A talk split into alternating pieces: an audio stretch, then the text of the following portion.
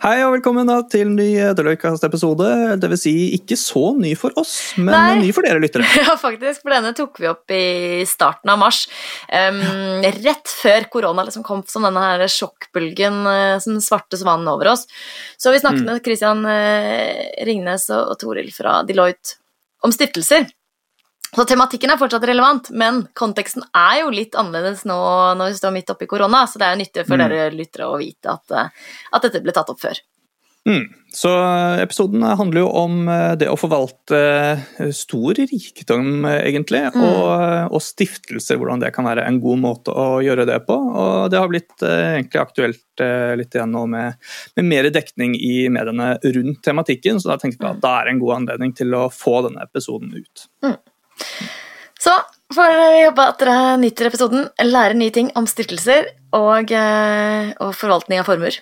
Så Så får vi bare si eh, god lytting. God lytting. Men jeg har jo alltid vært veldig bestemt på at jeg skal gi tilbake når du først er heldig, og spesielt jeg da, som har liksom kommet og, og tjent mye av pengene mine i Oslo. Da er det jo rimelig å tenke at Oslo skal få noe tilbake i en eller annen form.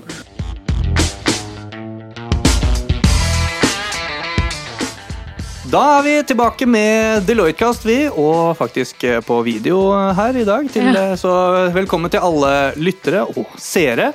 Eh, Vi har en interessant og litt sånn annerledes episode, egentlig. Jeg føler jeg har sagt det før, Ja. men i dag er det ekstra eh, litt annerledes. Ja, det er jeg enig i. Fordi det her følger etter av det som heter Waterfront Ideas, som er en sånn debattarena som vi i Deloitte samarbeider med Munch Museum. Så det har jo vært en debatt um, her oppe i huset med, hvor vi har snakket mye om kunst. Med blant annet Bjørne Melgaard. Så uh, det var veldig sånn kunsttungt tema. Uh, veldig annerledes enn det vi kanskje snakker om i Deloitte-kast. Men vi skal ikke snakke så mye om kunst i dag, da, Andreas. Men Nei, litt, ja, eller liksom indirekte, Vi kommer kanskje. nok kanskje inn på det. Dette Ja. handler jo om eh, skal vi si ettermæle. Altså Mm. hvordan ta vare på eh, sin egen formue, den verdiskapningen som man, har eh, gjort i løpet av Mm. et eh, et langt liv. Um, og for noen så blir dette kanskje ah, litt mer relevant enn eh, andre. da. Ja. Uh, jo- jo større formuen blir, eller jo mer verdi man har skapt på en eller annen måte. Mm. Eh, og da er det jo alternativer til arv eh, Ja, vi skal komme Ja. på. Det er ikke det det det- handler om. Det handler ja. om stiftelser. Hvordan, hvordan kan man organisere seg rundt egentlig det å forvalte eh, Ja, disse og pengene? komme liksom at, eh, kom, at verdiene lever inn i framtiden og utover grensene til familien og, Mm. og kommer samfunnet til gode. Så vi kan komme, skal komme en del inn på samfunnsansvar, egentlig. Eller om ikke samfunnsansvar, så i hvert fall det eh, ønsket om å, om å ha Må bidra, egentlig til samfunnet vi lever i. Og så ble jeg litt nysgjerrig, da, fordi eh, vi, vi hører jo om disse stiftelsene hele tiden. og det er eh, ei, DNB har en eierandel av en stiftelse, og eh, Norske Veritas det er, Mm. Men jeg innser at jeg kanskje ikke helt skjønt hva det her går ut på. da. Så, så det blir litt interessant å høre, høre om. Så vi er veldig heldige. Jeg har to veldig spennende mennesker med oss i dag. Eh, Christian Ringnes, eh, velkommen til deg. Hjertelig takk skal du ha. Ja, Du er jo både forretningsmann, eh, kunstsamler, du er utdannet siviløkonom fra Lausanne, Lausanne og, og MBA fra Harvard. Eh, jobbet vel Det er, ikke, det er ikke mange i Norge med MBA fra Harvard, er det? Nei, vi er en veldig utvalgt og spesiell gruppe mennesker. Ja. Hvor mange er det? Er dere, har dere liksom små samlinger og liksom Eh, ja, det er på verden. Altså, alle amerikanske universiteter er jo kjempegode på sånn alumni treatment. Ja. Så det fins Harvard eh, MBA og Harvard Alumni Clubs, uh, og de er ganske aktive. Ja, det er. Eh, og det er et hundretalls mennesker som har vært på Harvard i en eller annen En variant. av- Jeg har også tatt noen nettkurs fra Harvard, Ja. altså det må vi Ikke sant? Ja, ja, ja, så. Eh, Du er også da eiendomsinvestor, har vært det i over 35 år. Eh, Største eier og eh, administrerende direktør i Eiendomsspar og Victoria Eiendom. Og mange forbinder vel navnet ditt med øl, vil jeg tenke, i, i Norge. Så det skal vi jo litt inn på, men det er, du jobber ikke med bryggeri lenger. For det Ringnes Bryggeri ble, ble startet i 1876, men ble solgt ut av familien. Eh, sant? Ja, dette forsvant ut av familien med min bestefar. Eh, Ja. Det ble rett og slett for mange barn som måtte arve dette her. Eh, Ja. Så min far slo seg opp på salg av Scania lastebiler. Eh, Ah. Og var, da, var vel da mer logisk at jeg skulle slå meg på eiendom. ja, nettopp. Og så er du også verdens en, eneste miniflaskemuseum. Det er jo en utrolig spennende kuriositet. ikke det eneste, så iallfall det største. Ok, Eh, ja. eh, Også med den største samlingen. Dette er jo interessant for utrolig mange mennesker. Og her er en av Norges største private kunstsamlinger også. Så det var jo også en grunn til at du var her i, i dag også. Ehm, og så har du startet en stiftelse. Det skal vi også komme litt inn på senere i dag. Men i hvert fall velkommen til deg. Og ved siden av deg så sitter du, Toril eh, og Åmelfot. Du har vært i Deloitte advokatfirma i 20 år. Og før det så var du i Skatteetaten, eller Oslo ligningskontor. Het det det før? Det het det før, ja. Ja. Og det var jo det organet som ivaretok alle skattyterne i Oslo. Ja, mm. Der var du i tolv år, satt bl.a. i ledergruppen. eh, Og sitter nå på kompetanse på tema som generasjonsskifte, omstruktureringer i skatt og, og da stiftelser, som vi skal snakke litt om i dag.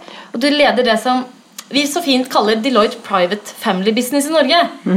eh, at du har ansvar for at Deloitte Norge på best mulig måte bistår familiedrevne virksomheter.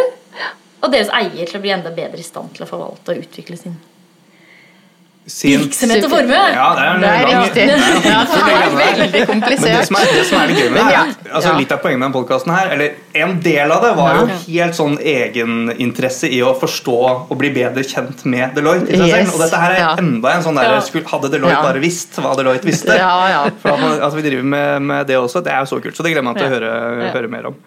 Um, Men før vi da skal snakke liksom, om forvaltninger av verdier, så er det litt spennende å da lære litt mer enn deg, Christian, og hvordan eh, du har kommet dit du er i dag. Altså, Du har en imponerende karriere, karriere men nå store verdier. Hvordan har det utviklet seg? Kan du si litt om det? Og hvordan har Nei, du kommet dette hit? er jo historien om gutten som falt oppi gullgryta.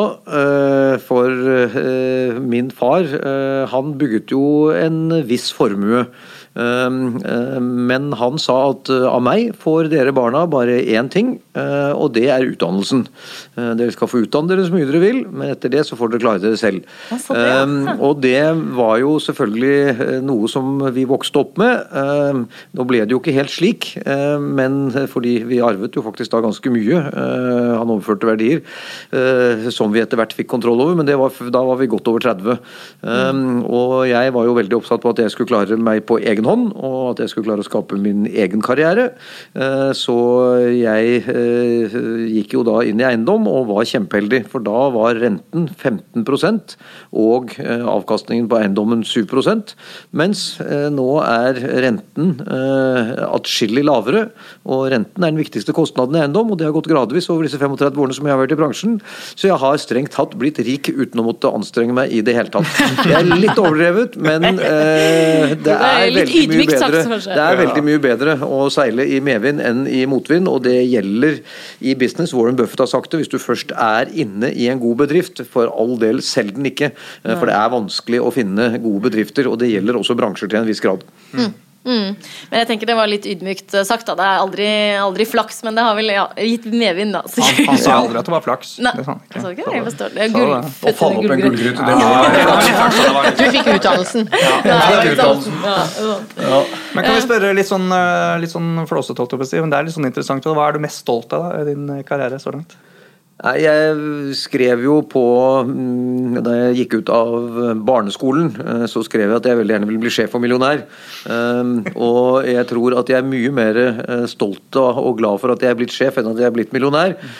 Fordi eh, jeg tror at jeg ikke egner meg så godt til å sitte i et stort hierarki og la andre bestemme over meg. Eh, så selv om jeg bare bestemmer over meg selv, eh, altså mye heller stor frosk i liten dam enn liten frosk i stor dam.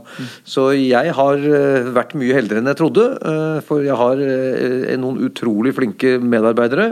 og sammen så har vi jo virkelig fått til noe som er ganske bra. Vi er jo faktisk ganske flinke på det vi gjør, selv om vi har vært heldige. Og det å kunne ha hatt privilegiet å lede dette her gjennom så mange år, det er bare helt supert. Spennende. Og da er det, Hvilke ting er det dere driver Det er eiendom? Er det, det er hoteller? Er, det er, eh, ja. Vi driver med allslagseiendom, eiendom, men der vi er størst er i hoteller. Eh, det vi er best på er nok kanskje kontor, for det er det letteste. Så det er forskjell på å være gjort... størst på noe og være best på noe? Altså? Ja, det er veldig stor forskjell på det. Okay. Og Vår styrke innenfor hotell er jo at vi eier et svensk hotellselskap, største eier av det. Og de er veldig flinke, men vi kan jo ikke mm. akkurat ta æren for det selv om jeg er styreformann. Og så har vi en viss virksomhet innenfor retail, og så har vi bolig. og det det har jo vært uh, også veldig interessant. Men det er en helt annen business igjen, mye mer slitsom. Uh, det er jo masse enkeltpersoner. Det uh, er jo mer jobb med å overlevere én leilighet enn 3000 kvadratmeter med kontor. Så da må man være rigget for det. Ja. Hva er det som er mest morsomt akkurat nå for tiden, da? I jobben din? Jeg syns jo hele tiden at det forandrer seg. Ehm, eh, vi pleier å klage over at det er blitt veldig dyrt eh, å kjøpe. Eh, og Vi er jo i prinsipp netto kjøper, men det gjør jo selvfølgelig at vi blitt, har fått veldig mye verdistigning og blitt veldig rike, og det er jo litt gøy det òg. Men det som er morsomt, er faktisk å gjøre prosjekter. Altså det å få et folketeater til å bli et folketeater, det å få et Ibsen-museum som vi holder på med nå, til å bli et levende hus istedenfor et lite dødt hus. Mm. Det å ha gleden av å restaurere en Ekeberg-restaurant og se at det går bra. Mm overta Grand Hotel for mange mange år siden, pusse det opp og se hvordan det liksom strutter Blomster, av glede. Liksom. Ja. Mm. Nei, det er, det Og så er det jo mange ting som ikke går så bra også. Uh, men dette skal være hyggelig, så vi bør komme innom alle de. Uh, men, men, akkurat den spenningen, å se uh, at ting faktisk blir bra, uansett om det er nybygg eller eksisterende eller hva det er, det, og Eiendom er kanskje en litt enkel bransje, men det er jo veldig konkret, da, så du har jo veldig glede av å se det du gjør. Det høres ut som liksom, vi, skal ikke, vi skal inn på det, men altså er det kultur Jeg føler kulturbildet er liksom eh, fellesnevneren her. Det, med restauranten der, det er Grand Hotel, det er jo en ikonisk eh, bygning midt ja. i Oslo. Altså, Møteplasser. Ja, jeg syns jo at eh, det å få lov til å eh, låne ting for en generasjon, for det er jo det ja. vi i virkeligheten gjør, eh, vi får lov til å, passe på det. Mm. Jeg kjøpte en hytte nede i, på en øy som heter Såstein i Langesundsfjorden. og Da ble jeg innkalt av Oldermannsrådet i Langesund, og de sa Ringnes, det er veldig hyggelig at du har kjøpt dette, men du er klar over at det er Langesund som eier dette her. Du får bare lov til å passe på det til nestemann kommer. Og det, og det syns jeg det er litt sånn veldig god holdning å ha. Mm. at vi har har veldig mye av det som er på denne jord til låns, og det handler om å passe godt på det så det kan overleveres til neste generasjon på en fornuftig måte. Mm. Og Det bringer oss jo kanskje da litt til dette vi snakket om, altså hvordan skal du overføre en virksomhet og eh, stiftelsesengasjementer i skulpturparker og hva det måtte være, til neste generasjon. Hva er liksom, eh, for, det, for, det, er det du skal. Ja, for da, da kommer de løpende til deg, Toril. Hva, hva er det de spør om da? Eh, ja, det er jo altså Man kommer ikke nødvendigvis bare og spør om nå skal jeg opprette en stiftelse, men det kommer, og det er jo ofte en han. Sånn som vi snakket om eh, tidligere i dag. I hvert fall i dag også, kanskje ja. om 50 år. Så, det, har blitt meg helt tydelig. Eh, og, og, man begynner på et litt prematurt nivå ofte, og så snakke om um, ja, jeg bør kanskje begynne å tenke på hva som skal skje med formuen min. Og, og, det er jo som du er inne på, at man har jo ikke eh, bare hus og, et hus og hytte, men man har en virksomhet, man har kanskje noe kunst. Eh, eh, man har ulike eiendeler. Og så tenker man på hvilke hensyn er det man skal ta. og Mange har veldig fokus på at ting skal være rettferdig i forhold til barn. Men også er det ofte slik at noen altså Barn er veldig forskjellige, og det er jo også en hensyn man må ta. Og, og det er veldig mange som etter hvert, pga. at det er ganske store formuer eh, som er opparbeidet på privat hånd, som er opptatt av at det skal komme allmennheten til gode. Eh, så det er ofte ikke noe enten-eller. Og det vi ser når vi starter de eh, prosessene med generasjonsskifte, det tar lang tid.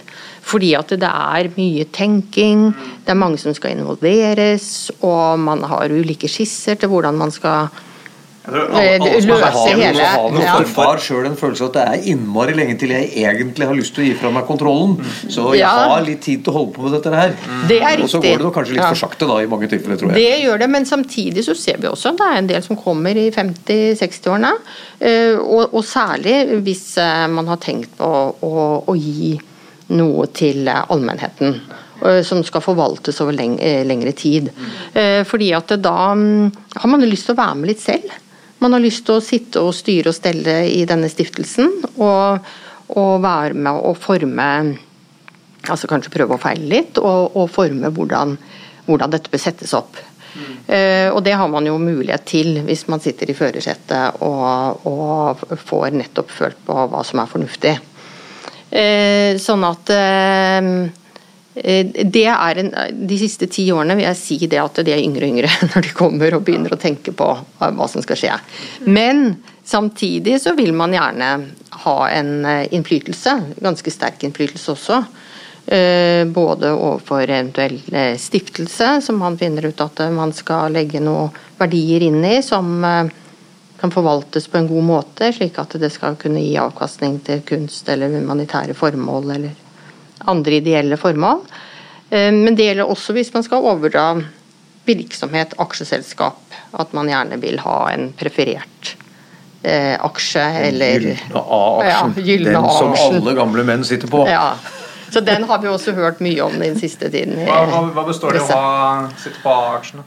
Nei, Det betyr at uh, som regel da, så betyr det at alle aksjene har lik eierandel, uh, men det er A-aksjen som har retten til å utpeke styret, uh, eventuelt som har rett til alle stemmene på generalforsamlingen. Mm. Så Det betyr at gamlefar, som det ofte er, har oppnevnt seg selv til allmektig forvalter på sine barns vegne. Det er det egentlig det som ligger i det. Mm. Ja.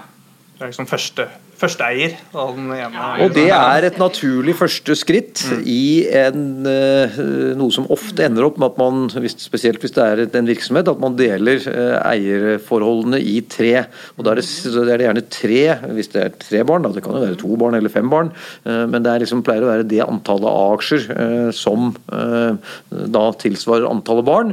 Og så er det to måter å gjøre det på. Enten så gir man da alle A-aksjene til ett av barna, det mest skal du si, eh, skikkede. Eh, og det skjærer jo mot enhver Ja, for eksempel. Men min far delte uten det. Han delte helt både stemmer og alt likt. Og det tror jeg var riktig i vår sammenheng, for det var jo en virksomhet som han hadde styrt, og som da etter hvert ble solgt. Så det ble omsatt i, i kontanter da vi var en sånn 40-45 år gamle. Men det viktige er jo ehm, Enten så har man en virksomhet som har det best når den er samlet. Eh, store skogseiendommer f.eks. Eh, sånn som Nordmarka. Det er typisk sånn som er egnet for at det overlates til én. De ja, det ikke deles opp i masse småbiter? Nei, ikke sant? Liksom. Det, blir, det blir litt sånn, det er liksom odelsloven på en måte. På en eh, annen måte at man sikrer at det er drivverdig det man har. Og så får de andre barna også noe, men det blir mye mindre. Så det er veldig mange måter å gjøre dette på. Det kommer jo veldig an på. Eh, er det bare kontanter som ligger i dette gamle far, så kan det godt deles i tre. Noen kommer til å kaste de bort, og noen kommer til å få de til å vokse fint, men det er egentlig en del av livets lov. Så det er jo bare hvis det er en virksomhet, da er det jo viktig at man tar hensyn til alt det som ligger i virksomheten. Ansatte, forpliktelser for samfunnet osv. Og, så ja. og så er det da en del som eh, eller hvis man så først er inne på dette med stiftelser, som faktisk gir eh, hele konsernet eller aksjene til en stiftelse. Eh, og det kan selvfølgelig eh, Eller det kan ofte by litt på utfordringer, fordi at eh, man kan få faktisk interessekonflikt mellom stiftelsens styre og en sterk administrasjon og styre i aksjeselskapet. Så Det har jeg faktisk sett eksempler på. Kan du si litt først bare om hva, hva vil det si at det er en stiftelse? Hva en stiftelse det er jo en selvei, såkalt selveiende institusjon. Og det, er, det, tror jeg er en del som ikke mm, forstår, fordi at eh, den identifiseres ofte med en giver, og så det er noen som innbiller seg at det er giver som faktisk sitter og eier den stiftelsen. Eier, eier fortsatt, ja. liksom. Mm. Men, det, men, men, eh, i levende livet så kan man jo da sitte i styre og stell, eh, som nevnt. Mm. I stiftelsen. det er veldig klart definert eh, hvilke muligheter du har til å drive i styre og stell. Og det som er helt sikkert, er at når du først har gitt dine penger til en stiftelse, så får du dem aldri tilbake. Og det er det virkelig viktige veiskillet som du går over. Mm. Det er penger som du ikke på noen måte kan få glede av selv. Det er ikke dine lenger. Det er, Nei, det er en endelig ikke- avgivelse. Det er virkelig ikke dine. Det du kan, eh, er jo at du kan ha en viss innflytelse på hvor disse pengene skal brukes, men det må ikke ha noe med deg eller din familie å gjøre. Det må være eh, til allmennyttige formål på en eller annen måte, altså noe som kommer samfunnet til gode. Og så kan det være veldig vidt. Det kan være at du oppretter en stiftelse til en skulpturpark, eller det kan være at du oppretter en stiftelse som skal fremme forskning, eller du oppretter en stiftelse som skal dele ut priser innenfor et eller annet. Det er mange, mange varianter av dette her. Men penga er gone, og det er det som er det viktige. Og det er, det er jo viktig. Der. Og det gis ikke noe økonomisk gjenytelse. Nei, det gjør ikke noe Nei. Nei sånn, at, Sånn at det eh, er en endelig gave. Eh, og eh, jeg vet ikke, Vi kan komme kanskje litt inn på det, for dette har vært litt eh, eh, i media har vært litt opptatt av at det nærmest er noe sånn skattebesparende Ja, sånn. ved det å, å gi eh, formue og gaver til stiftelse. Og ja, det er klart det at hvis ikke du eier noe, så skal du heller ikke betale skatt. Eh, Sånn at eh, da, Ja. da slipper du å betale skatt da når du ikke eier formuen mer. Eh, Men i enkelte tilfeller, fordi at formuesskatten er jo på 0,85 Eh, og det ville vært helt urimelig å si at man skulle fortsette å betale det. Ja, når du har gitt bort Ja. eh, Og- Ja, for du har jo ikke avdrag til pengene som skulle betale den skatten. Nei, og da for å kunne betale den skatten, så ville du måtte ta ut utbytte, og så må du skatte av det. eh, Sånn at det er en sånn evig runddans. Men, men i enkelte tilfeller så kan jo også faktisk stiftelser bli skattepliktige hvis man driver næringsvirksomhet. Ja, eller det hvis er de veldig mange stiftelser som har begge deler i seg. Altså Du kan være en såkalt næringsdrivende stiftelse eller allmennyttig, men hvis du er en allmennyttig som driver eh, en virksomhet som tjener penger, så skal jo den delen beskattes. Ja. Så det er ikke Ja. noen snarvei til eh, skattebesparelse. Og uansett, eh, i teorien, da, hvis man hadde bespart skatt, det er ganske dårlig å spare eh, 0,85 i skatt for å gi fra seg alt du eier og har. 100%. ja, så jeg føler at Vi fikk nå avkledd, eh, liksom, Ja. av- avkreftet den myten der Ja. som eh, florerer. Om Ja. at det er ikke for å Ja. unndra skatt, altså. Nei. det er det ikke. Men, Det er men disse, som, disse menneskene som kommer til oss i Delight for å få råd, da er det vel på en måte skatt er vel også noe man trenger hjelp til, sikkert? Eller, eller ja, betaler riktig det er klart. Man må, Ja. man må passe på at man ikke betaler noe uberettiget skatt. Ja, ikke. Eh, Vi ser jo også faktisk eksempel på at det er aksjeselskapene til fortrinnsvis en 100% eier som er giver, som gir til stiftelse. Eh, Og da skal man passe på at man ikke får en uheldig situasjon, men så lenge det er en gave, og det aksjeselskapet ikke mottar noen eh, motytelser, så, så vil man på den måten eh, unngå skatt. Men det er jo ofte sånn som jeg begynte med å si, at man vi ofte gir til ulike formål, og skal tenke på barna, og kanskje i den forbindelse se på omstrukturering av eh, hele eier, eierstrukturen. Kanskje man skal splitte, sånn at eh, eiendom eh, overføres til ett ben, og eh, annen type virksomhet et annet ben. Og, og at man gjør noen sånne strukturelle endringer som eh, tilpasning før man eh, gjør et delvis Fordelen med generasjonsskifte. gamlefar, eh, hvis det er gamlefar, det jeg tror nok ofte det er gamlemor som er med på dette her i veldig stor grad også, eh, for dette handler jo om familiens fred og ro, eh, men fordelen er jo at hvis eh, de gamle deler, så eh, kan barna synes at det er urettferdig, men det er bare ett sted den eh, urettferdighetsvreden kan gå, og det er på mor og far. Og Alternativet er jo at det deles uklart, eller at de selv skal ordne opp i delingen. Og da vet du, da eh, er det virkelig sant, som min far sa, at man oppdager kvaliteten i familien eh, først når arveskiftet finner sted. Eh, for det er jo forbløffende mange familier som ikke overlever et arveskifte følelsesmessig. Og jeg tror jo da at det er en veldig fordel at foreldrene har ryddet opp før de takker for seg. Ja.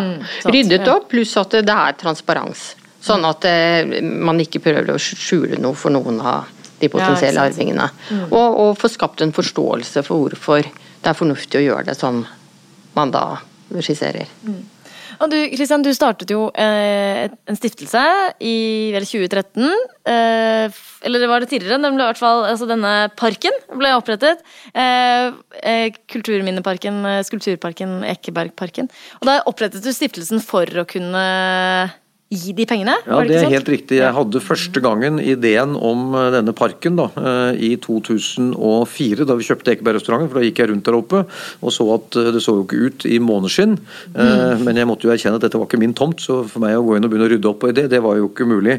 Og da tenkte jeg at jeg skulle gi et tilbud til Oslo kommune om da skulpturer og skjøtsel og reparasjon av den flotte parken som en gang hadde vært der. For dette var jo en folkepark på 1900-tallet som var eh, falt i, i disrepair. Det var det gjengrodd helt, eller? Det Altså, var helt gjengrodd og knuste benker og utvaskede stier og veldig mye eh, Ah. uønskede elementer. Mye prostitusjon i skogholtene og mye sprøytenarkomane. Altså det, var ikke, det var ikke et sted man gikk, og det manglet også lys der oppe. Så eh, eh, for å da eh, kunne snakke ordentlig med Oslo kommune, så ble det ganske fort klart for meg at det for Christian Ringnes eller et av mine personlig eide selskaper å snakke med Oslo kommune, det ville gjøre det vanskelig. Mens med en gang det ble en selveiende stiftelse, så var dialogen med kommunen mye lettere, for da hadde de liksom med noe som var helt oversiktlig for dem. De visste at eh, så lenge stiftelsen hadde de pengene som var satt inn i den, så ville stiftelsen kunne oppfylle sine forpliktelser. Det er jo mye vanskeligere med et aksjeselskap eller med en person, hvor du aldri vet hvordan det går med resten av virksomheten. Men her er jo liksom i stiftelsen er jo pengene låst inne. Det er atskilt. Det er- Veldig ryddig. det er Endelig avgitt. Det krever litt for, eh, for staten eller en kommune å inngå et samarbeid med selskaper og privatpersoner, er det det? Ja, fordi, det det, fordi man for trenger fordi, altså, det finnes masse eksempler, bl.a. Norges rikeste mann noen gang, en skipsreder fra Sørlandet, som ga bort i flottens fei eh, i 1918, tror jeg det var, eh, en opera eh, til det norske folk. Han gikk jo konk etter to år, lenge før de hadde begynt å bygge på operaen. Eh, og det er klart, det er det du kan risikere hvis det er knyttet veldig nært til privatperson eller aksjeselskap. Så, ja. Man har vel også et eksempel der, egentlig, av Anders Jahre. Som Ja. gav eh, store Eller eh, selskapet som ga store beløp til eh, kommunen, bl.a. til bygging av rådhus. Så det kan bli en litt sånn uheldig sammenblanding. og og at eh, man eh, kan bli mistenkt for at eh, kommunen favoriserer i andre, eh, andre saker som vedrører selskapet til vedkommende. Nå avstedkom jo også det egentlig en eh, betydelig skattesak eh, i ettertid, da, der staten eh, eh, gravde i en utenlandsformue i Ja, årevis. så det var jo egentlig en, var- i dag en ikke helt aktuell problemstilling. For Nei. i dag er eh, det veldig vanskelig å ha store formuer skjult for det norske skattevesen, Ja. takk og lov. Eh, Så jeg tror vi kan slå fast at mesteparten av det som en gang var en del av sånn man gjorde ting, eh, nå er vi tilbake nesten 100 år i tid, men det er nok i veldig stor grad over. Fordi mm. det er blitt så gjennomsiktig, og det er ikke så lett å reise frem og tilbake med 10 millioner kroner i kontanter på seg. Det er, da stiller Nei. folk spørsmål. Så det, det, jeg tror den delen er over. Men det Ja. som er, er riktig, er at uh, har du en stiftelse, så er det lettere for mm, folk å motta gaver, fordi det kommer ikke direkte fra en privatperson. Selv om det er et styre som gir bort, eh, så er det ikke direkte fra en privatperson. Og du har denne sikkerheten med at hvis det er en langsiktig ting, om det nå er en skulpturpark eller en gondolbane eller hva det nå måtte være man holdt på med, så vet man hvilke penger som ligger der inne. Og så kan selvfølgelig de også forvaltes dårlig, men du har iallfall sikkerheten at det er det som ligger der. Ja, Det er jo et årlig regnskap som avgis, og det revideres, og man har da Stiftelsestilsynet, som er et ganske aktivt offentlig organ for, eh, for tilsyn. Som sitter og følger med på at det gjøres eh, på riktig måte. Ja, i forhold til formål og vedtekter, og at det ikke er eh, økonomiske uregelmessigheter. Ja, At styret ikke styr- velger å ta ut litt penger ut av bakdøren. Og, Ja, for eksempel. Og det, det hender jo det skjer, men det skjer jo innenfor andre eh, overalt, former Ja. for eierskap òg, i aksjeselskap og Ja, foreninger. det var her som gjør det ja. liksom litt ekstra hårete. Altså, pengene er jo ikke dine. Og så er det spørsmål hvor mye styrehonorar kan du betale. Hvis mm. du som da opprinnelig giver plutselig eh, liksom mener at du skal være konsulent for dette her, eller du er investeringsrådgiver og skal gjerne ha en liten fi for du har funnet noen gode investeringer. Altså, det er jo mange, mange ting som folk ja. kan Ja. bli fristet til å gjøre. Og det setter jo Stiftelsestilsynet en meget uh, effektiv stopper for. for, det er bare ikke tillatt. Nei, det Men da er vi litt ja. sånn inne på det, fordi ok, så en stiftelse det, det legges ned noen, det er noen vedtekter som sier noe om hvordan man skal drive, hva som skal fokuseres på, om det er kunst eller om det er eh, andre typer støtteordninger eller, eh, eller en virksomhet som- skal driftes. Og så er det et styre som på en måte jobber etter de vedtektene. Ja. Det er ikke eiere, da. Som, Nei, ikke sant? Nettopp, styre. Men hva er det som da er Og så høres det ut som dette her må være helt fantastisk. Men Når er det det går gærent med en stiftelse, da? Ja, Det det, kan, ja. det kan jo gå galt, liksom, som du er inne på. at det, eh, Særlig i de eldre stiftelsene så var det mye mm, eh, sånn selvrekrutterende styrer. At den som var eh, styreleder, lot det nærmest gå i arv.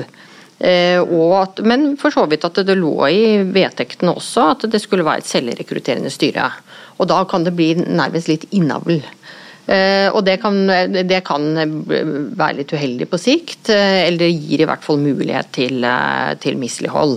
Og så kan man da selvfølgelig også miste litt av syne etter hvert, hva som egentlig var formålet. Og det skal jo også sies at det, det er en del av de formålene som stifter fastsatt, som ikke har vært så robust i, i tidens tann, holdt jeg på å si. For eksempel støtte til eh, jomfruer fra Sørlandet Ja. som har bosatt seg i hovedstaden. Ja, ikke sant? Ja. Eller krigshelter fra andre verdenskrig eller den slags. Sånn at det, eh, det, det også gir jo et litt større rom kanskje for mislighold og egen tolkning for styret av hva som er det gode formålet. Eh, ja, så, og, og selvfølgelig så, så kan det være at ikke man har i vedtektene hatt nok fokus på hva slags eh, kompetanse de som sitter i styret skal ha, og sånn som du var inne på i sted, Kristian, at det, eh, det kan være viktig kanskje å utpeke institusjon som skal rekruttere personer i styret. Og, og for så vidt også ha en tidsperiode for styret. Slik at det ikke blir sånn evighetsverv. Eh, verv. Og det, Hvis du ser på noen av de vellykkede stiftelsene, eh, så har jo de mekanismer eh, som sikrer dette. Eh, og Det kan godt være at tidsbegrensningen f.eks. Det kan være kanskje som i Bergesens situasjon, hvor du har flere familiegrener. Hvor du har noen eksterne, og så er oppnevnes det noen fra hver familiegren. Sånn at det går på rotasjon. men har fremdeles denne nærheten til sin bestefar, som startet hele greia. Men altså, nå snakker vi litt om stiftelser der det ikke går bra, men stort sett er det jo veldig mye bra som skjer ut fra stiftelser, og som vi var inne på at det er Formålet er jo samfunnsnyttig, og, og du opprettet jo, som vi var inne på, en stiftelse, Kristian, men det er det er ikke første gang i din familie at uh, det er et ønske om å gi tilbake. Kan du si litt om det? Altså det uh, at var vel oldefaren din uh, Amund ja, det var jo mine to, ja. Amund og Ellef, ja. eh, Som, som støttet polekspedisjon? Ja, nei, De var jo heldige, litt som meg. eh, for De falt opp i en slags gullgryte, de òg. Fordi de var jo da på bryggeriboomen som var i Kristiania eh, på 1860- til 1890-tallet. Og så var de litt flinkere enn en del andre, så de hadde jo veldig stor suksess. Og var nok veldig velhavende eh, allerede etter få år. Eh, Og hadde jo med seg da Aksel Heiberg, eh, som var den mannen som kom med pengene til dem. Men de eide, eide allikevel en tredjedel hver. Eh, Og den gangen som nå, hvis man er synlig med mye penger De bygget jo mange av stuene rundt omkring i Marka, de bygget Holmenkollen sanatorium, de bygget hva med å bygge Holmenkollbanen osv., så, videre, og så, så blir det jo kjent at man støtter. Og det var nok derfor Fridtjof Nansen da kommer til disse brødrene og ber om støtte til å bygge fram, som jo på mange måter var den båten som gjorde at man etter hvert eh, kunne ta seg inn mot både Nord- og Sørpolen. Så eh, det var vel veldig mye slump eh, som gjorde at man endte opp med et såpass heldig sponsorship. Og så tror jeg de var veldig De liksom syntes det var veldig gøy med dette her. Og det var jo en stor periode for Norge, så noen ganger så er man heldig og faller opp i noe som på en måte betyr mye for et land. Andre ganger så er det vel ikke akkurat sånne opplagte ting som er i tiden. Eh, Men eh, jeg tror nok fremdeles at hvis du spør Amund og Ellef Ringnes, ja det må jo ha noe med Ringnes Bryggeri å gjøre. Det er ikke så veldig mange som vet at de har holdt på med polferdene. Nei, nei, jeg visste det ikke faktisk før jeg leste det. Nei. Før nå.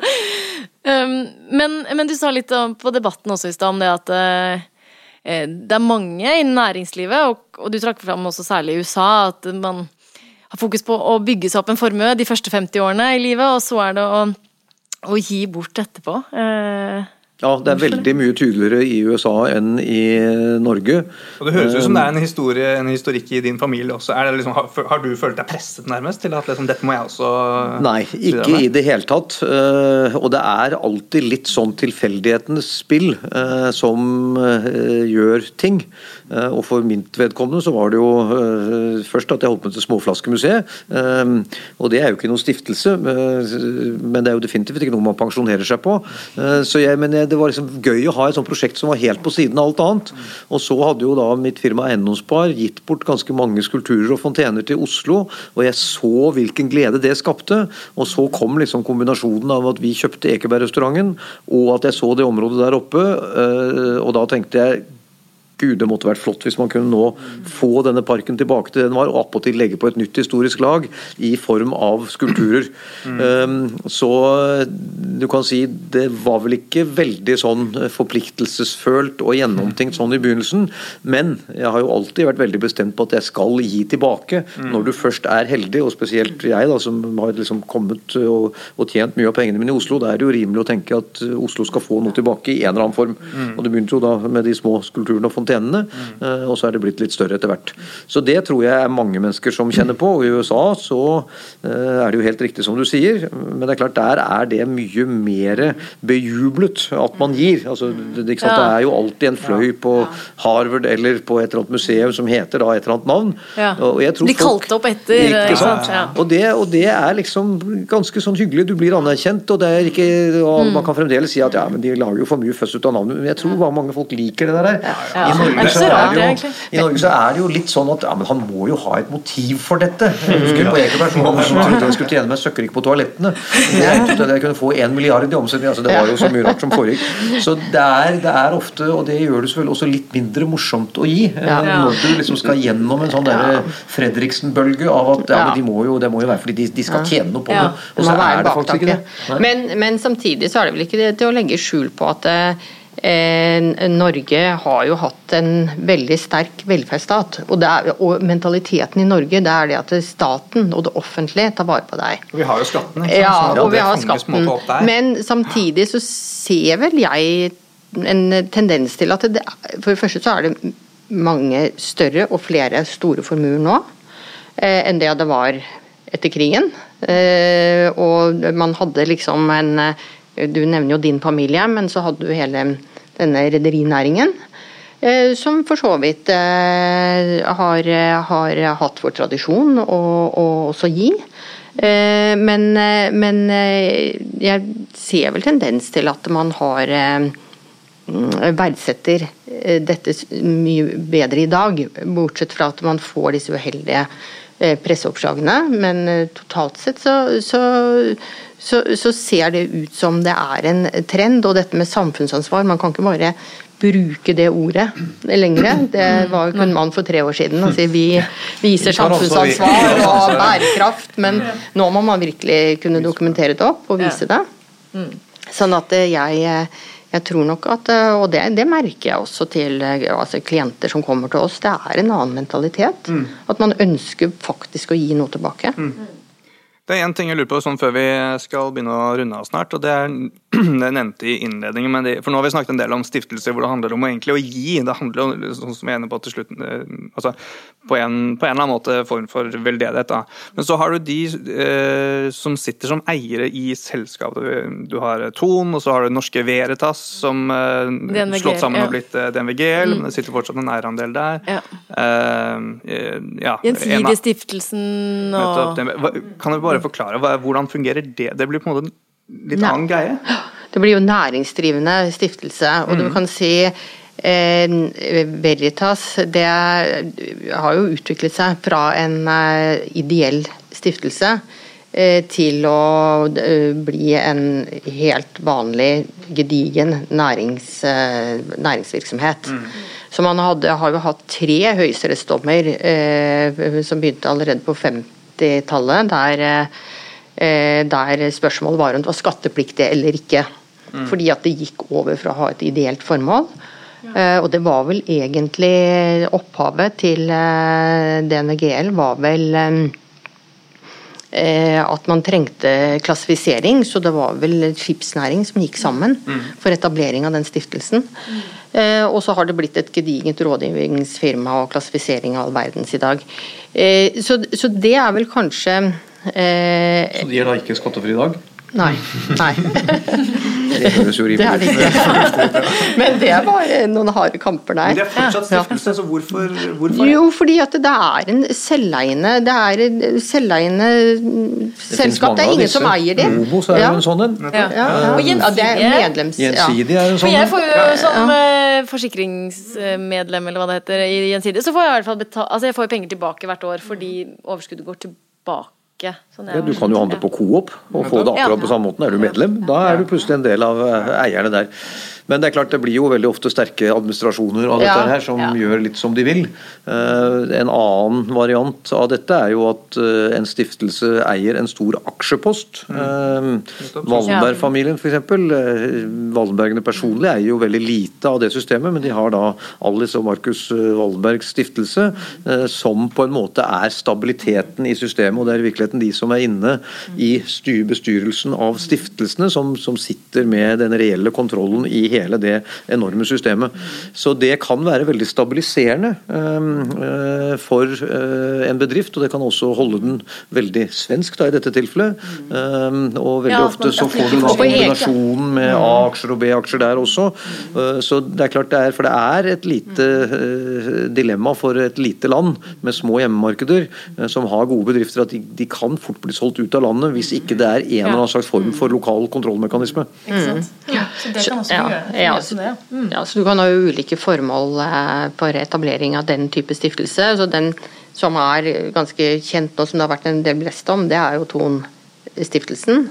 Eh, der aksjene i eh, Thon-gruppen ble lagt inn for ja, fem-seks år siden. Uh, og, og, og det, er, det, er, klart at det, det, kan på sikt Jeg har sett eksempler på den type stiftelser der det kan oppstå en konflikt nettopp eh, med en, en, en sterk administrasjon og sterkt styre i selskapet, i forhold til et eh, styre i stiftelsen som kanskje ikke er så godt eh, rigget. Og så er det jo det med at det er litt interessekonflikt, fordi at eh, selskapet, virksomheten, vil jo gjerne reinvestere i virksomheten og holde på pengene.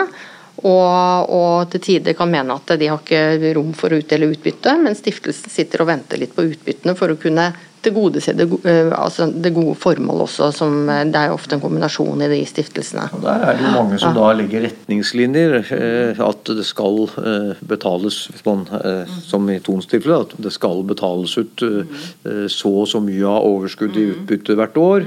Eller av kontantinntjeningen eller et eller annet. sånn at man får, vet, Hvis du ser på Carlsberg-stiftelsen, som jo er en ekstremt vellykket stiftelse, som har virkelig klart å ja, De har bl.a. klart å kjøpe Ringnes Bryggerier. så det er klart det er, det er en, Stiftelser riktig styrt eh, er veldig kraftfulle fordi de har Eh, en, en enorm eh, mulighet til å generere penger og være langsiktige. Eh, og de kan støtte altså Carlsberg-stiftelsen har betydd enormt mye for dansk kulturliv. Det er det ingen tvil om. Du hadde ikke hatt noe Louisiana, du hadde ikke hatt noe glypotek, du hadde ikke hatt noen ting hvis ikke det var Så det, det å ha disse store ankerfestene, men der også er det jo slik at de eier jo ikke hele Carlsberg. Det er liksom eiet av andre også, og det skaper en viss disiplin. fordi folk er trenger, ja, eiere som trenger nettopp at det skal, skal gå bra. Ja. Men bare en siste ting som jeg må bare få rydde litt i for å forstå. Altså, man snakker jo også om fond og legater. Altså, er det typer Det er det samme. Det er det samme. Ja, det bare brukes ulike begreper. Ja. Eh, sånn så, så det, er, det, er en, det, er, måten man organiserer det på ja. som egentlig betegner hva det er. Så, så forening har, har medlemsmasse, men stiftelse er da selveiende. Ja.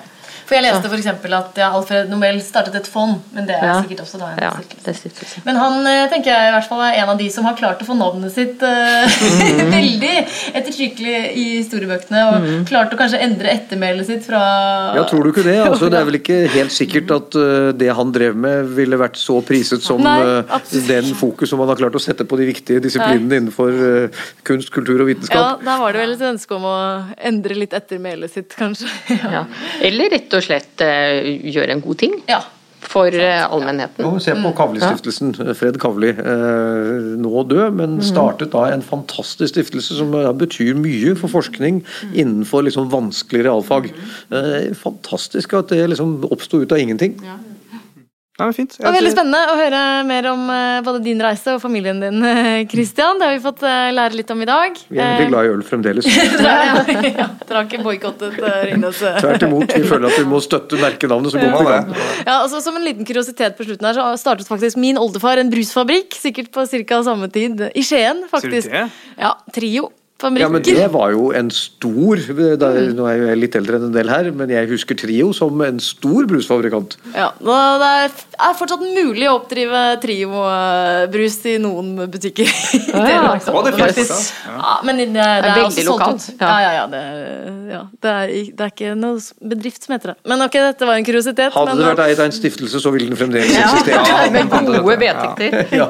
Og så må vi jo nevne at nå har vi hatt datteren din på besøk også. sånn at eh, hvis du har noen flere slektninger eller barn sånn som vil komme på besøk her, så er det bare å si ifra. Ja, jeg, tror jeg, jeg tror jeg har noen godbiter som dere virkelig kunne ønsket å sette tennene i. Ja. Eh, Min ene datter som eh, jobber eh, i First House, men hun kan vel ikke si så mye om hva hun egentlig driver med. det. Er sånn nok- det er konsulent, nok mye- det er nok mye client privilege der. Ja, ja, Og så har jeg jo en sønn som virkelig er i ferd med å bygge en, en business innenfor det digitale, så det er, det er Ja, spennende. kanskje det utvider med mer Ringnes-innhold etter hvert. Nei, men Tusen takk for at dere kunne komme, både Christian og Toril. Det var veldig spennende. Og til alle dere som hørte på og så på, eh, ja, og hvis dere vil se på det her i opptak, så er det bare å gå på YouTube og, og søke det opp. Eh, ellers så finnes vi på alle plattformer eh, som finnes for podkast, selvfølgelig. Um, og det er bare å sende spørsmål eller forslag til temaer på podcast at deloitte.no.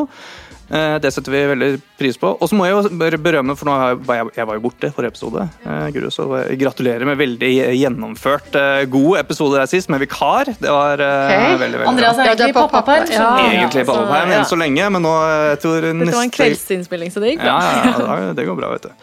Så, Jeg tenker det er godt å få fri, jeg. Et lite sekund. Ja. ja, ikke sant? Hva er fri? Det er å være på kontoret når du er er veldig hyggelig å ta en prat med dere nå, og så får vi si på på gjenhør, Ja. og eller som vi sier, Vi høres. vi høres.